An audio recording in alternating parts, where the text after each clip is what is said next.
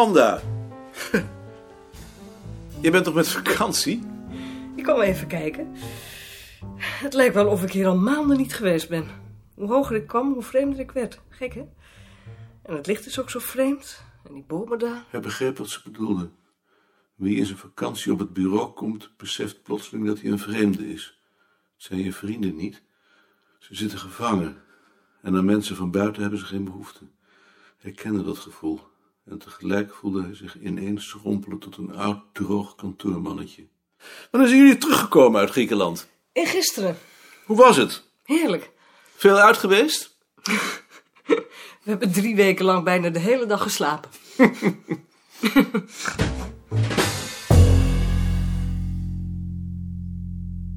Hardy Jansen. Ha, die Pietersen. Zit je hier maar een beetje in je eentje? Ja, maar nou bent u er gelukkig. Waar zal ik nu gaan zitten? Dat hindert niet. Hier dan maar.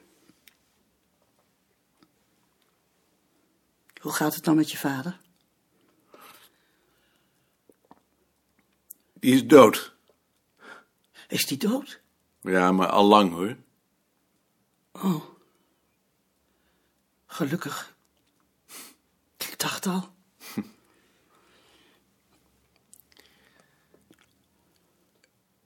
Waar bent u geweest?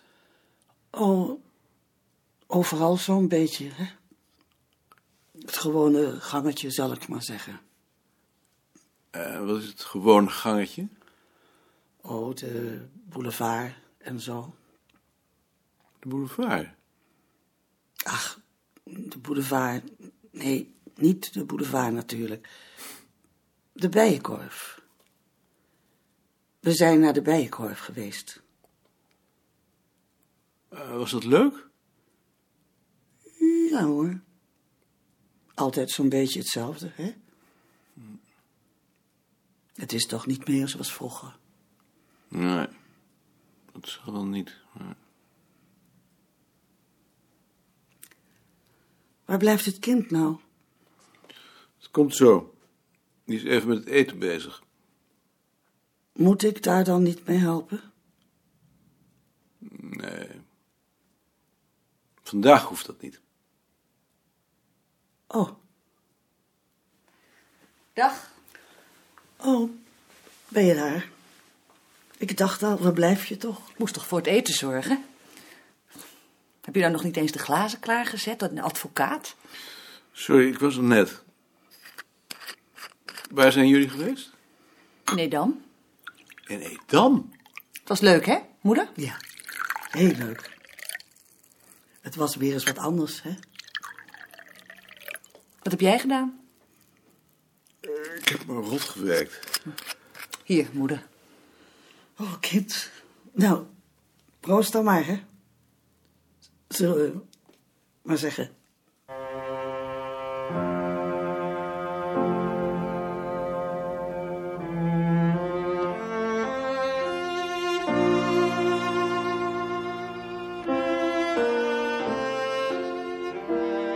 Na het eten voelde hij zich belazerd.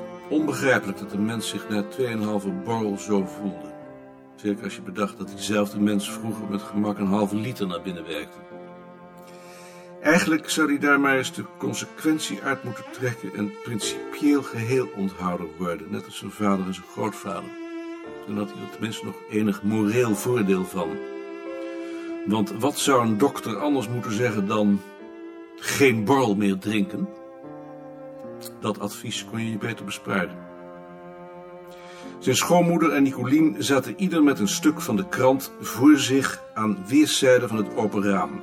De standaardopmerking voor die situatie was: De familie leest graag. Maar hij voelde zich te belazerd om grapjes te maken. Zelfs om naar de duiven te kijken, die nu weer met z'n tweeën door Nicolien gesignaleerd waren in de boom rechts. Hij kreeg het koud, ging met tegenzin naar de achterkamer om een slip over te halen en kreeg vervolgens nog kouder, alsof in zijn borst van tijd tot tijd een koud waterkraan met een brede straal werd opengezet. langzaam bekropen met vermoeden dat hij griep had. Hij vroeg zich af wanneer hij dat kon hebben opgedaan. En hij herinnerde zich dat hij, net toen hij gisteren in de regen thuis kwam op de brug over het Singel, plotseling verdomd koud had gehad. Hij hield het nieuwtje nog enige tijd voor zichzelf, al genoot hij er bij lange na niet meer zo van als vroeger. Integendeel. Hoe ouder je werd, hoe ongelegener zoiets kwam. Ik ga naar bed, ik ben ziek. Dag moeder, welterusten. Dag Maarten. Slaap maar lekker. Dat meen je toch niet, dat je ziek bent? Net nou moeder er is. Die ene keer dat ze eens wat langer komt logeren. Het enige wat ze heeft, dat ga je toch niet verpesten? Echt niks aan doen, ik voel me belazerd. Natuurlijk kan je er wat aan doen. Het komt van die borrels natuurlijk. Waar zou het anders van zijn? Nee, het komt niet van die borrels. Het komt wel van de borrels. Ik heb je nog zo gewaarschuwd. Je wilt het alleen niet bekennen. Ik wil het best bekennen, ik ben alleen te belazerd om dat uitvoerig te doen. Als je dan maar zorgt dat je morgen weer beter bent. Dat eis ik. En?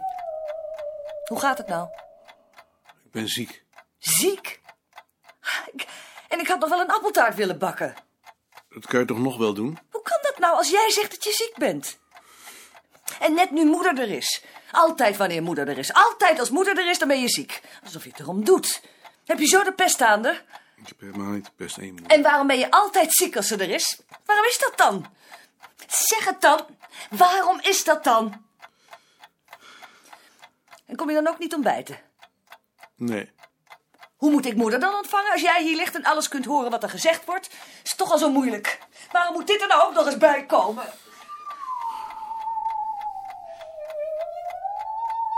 Wat krijgen we nou? Jij gaat jezelf toch niet temperaturen? Dat ga je toch niet doen? Jij gaat toch geen patiënt van jezelf maken? Laat los. Je breekt hem. Oh, dat heb je van je moeder, dat idiotige temperatuur. Ik mag toch wel weten of ik koorts heb? Waarom wil je dat weten? Wat kan het je schelen? Dat voel je toch wel of je ziek bent? En van, en van anderen vind je het onzin, hè? Tegen anderen zeg je dat je nooit temperatuur opneemt. Dat heb jij gezegd.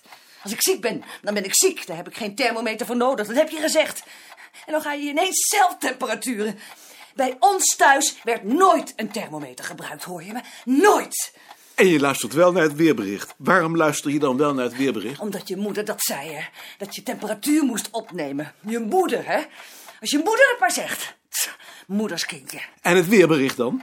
Waarom luister je dan naar het weerbericht? Hij vroeg zich af waarom hij zich altijd liet verleiden door argumenten die hem vreemd waren, omdat hij dacht dat ze op een ander meer indruk zouden maken, zoals dat weerbericht. Hij zag het als een van de belangrijkste oorzaken van de zwakte van zijn stellingen in discussies en conflicten. Natuurlijk nam hij zijn temperatuur op omdat zijn moeder dat deed toen hij een kind was en ziek was. Waarom zou hij zich daartegen verdedigen zolang hij er geen misbruik van maakte? Het werd pas idioot wanneer je ieder uur je temperatuur opnam, ook als je niet ziek was, zoals Ad en Heidi, om dan vervolgens uit de schommelingen tussen 36,8 en 37,1 te concluderen dat je ziek was en dat weken of maanden lang bleef denken. Tegen zulke mensen mocht je zeggen dat je nooit temperatuur opnam. Zei je dat je alleen temperatuur opnam wanneer je je ziek voelde, dan zouden ze het verschil niet zien. Hij nam dus alleen op als hij zich ziek voelde. Vooral voor die vijf minuten die hij het liefst nog wat zou rekken, dat hij daar rustig en ontspannen op zijn rechterzij lag, onder de dekens, zijn knieën opgetrokken, de hand op de kop van de thermometer en het horloge binnen handbereik. Die vijf minuten waren een niemands land waarin niets kon gebeuren. Eigenlijk was je dan zelfs niet ziek. Je was niets, een instrument dat onderzocht werd op eventuele gebreken. Te vergelijken met de periode tussen het eerste bezoek aan de huisarts en de uitslag van de specialist. Zolang er aan je gewerkt werd, ging je vrij uit. 38,3. Niet erg ziek dus, maar aangezien voor hem de grens bij 38 lag, kon hij in bed blijven. En? Wat en? Je hebt toch temperatuur opgenomen? Dat interesseert jou toch niet? Maar ik mag toch zeker wel weten hoeveel temperatuur je hebt? Interesseert het me niet. 38,3. 38,3? Dan hoef je toch zeker niet in bed te blijven? Met 38,3 kun je toch zeker wel opstaan? 38,3 is toch geen koorts? De grens ligt bij 38. En wie zegt dat? Wie zegt dat dat de grens bij a- 38 ligt? Oh, dat zei je moeder zeker. Nee, dat zeg ik. Nou, dan zeg ik dat dat idioot is. Een dokter zou zich rot lachen als hij dat hoorde. Oh, 38,3? Nou, dan gaat u maar rustig naar het concert, hoor. Beetje verhoging. Moet ik het bureau soms opbellen? Ja, graag. Wat moet ik dan zeggen? Dat ik ziek ben natuurlijk. Dag Ad, met Nicolien. Maarten is ziek. Nou, nee, niet zo erg ziek, maar hij heeft eh 38,3. Ja? Met zijn zieke hoofd bedacht hij dat hij dat nou weer niet gezegd zou hebben. 38,3 was de ochtendtemperatuur, terwijl Ad uit zijn vele thermometergegevens de allerhoogste haalde. Waarschijnlijk zou hij dus niets gezegd hebben, want tegenover Ad vond die temperatuur opnemen idioot. Maar als hij iets gezegd zou hebben, dan 38,9 of zoiets. Aan de andere kant vond hij het ook wel weer aardig dat zij niet zo was, al doorkruiste haar waarheidsliefde vaak zijn behoefte om de stand van zaken zo zwart mogelijk af te schilderen. Ad zei dat het wel van die rechtse praatjes zal zijn die je eergisteren gehouden hebt. Oh, Wat waren dat voor praatjes? oh, niks. Dat zegt hij toch niet zomaar?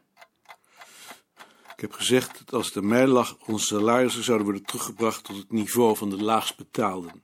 En dat er een straffere arbeidsdiscipline zou worden ingevoerd. Bijvoorbeeld met prikklokken. Met prikklokken? je wilt toch zeker niet dat de mensen nog harder werken? Zover is het toch niet met je gekomen dat je nu ook al van ze gaat eisen dat ze hard werken? Ze hoeven voor mij niet hard te werken, maar ik heb de pest in als ze de boel belazeren. Als je zulke hoge salarissen opstrijkt, vind ik dat je je niet aan je werk mag onttrekken. Daar heb ik de pest aan. Maar dat is toch zeker onzin? Ja, het is onzin, maar laat me nou alsjeblieft met rust. Ik ben ziek. Zou je straks kamille voor me willen halen? Wat heb je dan? Ik heb een kaakontsteking. Oh? Maar je daar zeker beroerd van? Ik dacht al. Pas een beetje koorts kun je toch niet zo beroerd zijn? Alsof het rechts was om te vinden dat alle mensen dezelfde lasten en plichten behoorden te hebben. Rechts was als je je druk maakte over het misbruik van je belastinggeld. Dat interesseerde hem geen moer. En hij had er trouwens ook geen enkele reden voor, aangezien het in zijn geval voor 100% uit het belastinggeld van anderen bestond. Bovendien voelde hij niet de minste neiging om beschuldigend naar anderen te wijzen, die dan maar als eerst moeten worden aangepakt. Een argument van veel mensen die zichzelf links noemden. Het ging hem om zijn eigen groep.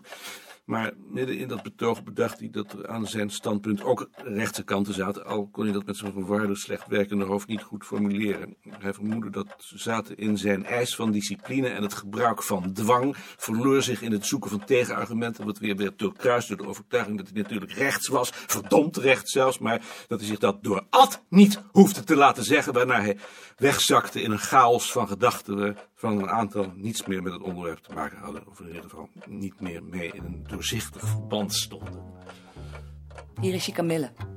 Wil je die hebben? Zeg maar op het krukje. Maar dan moet je er wel uitkomen.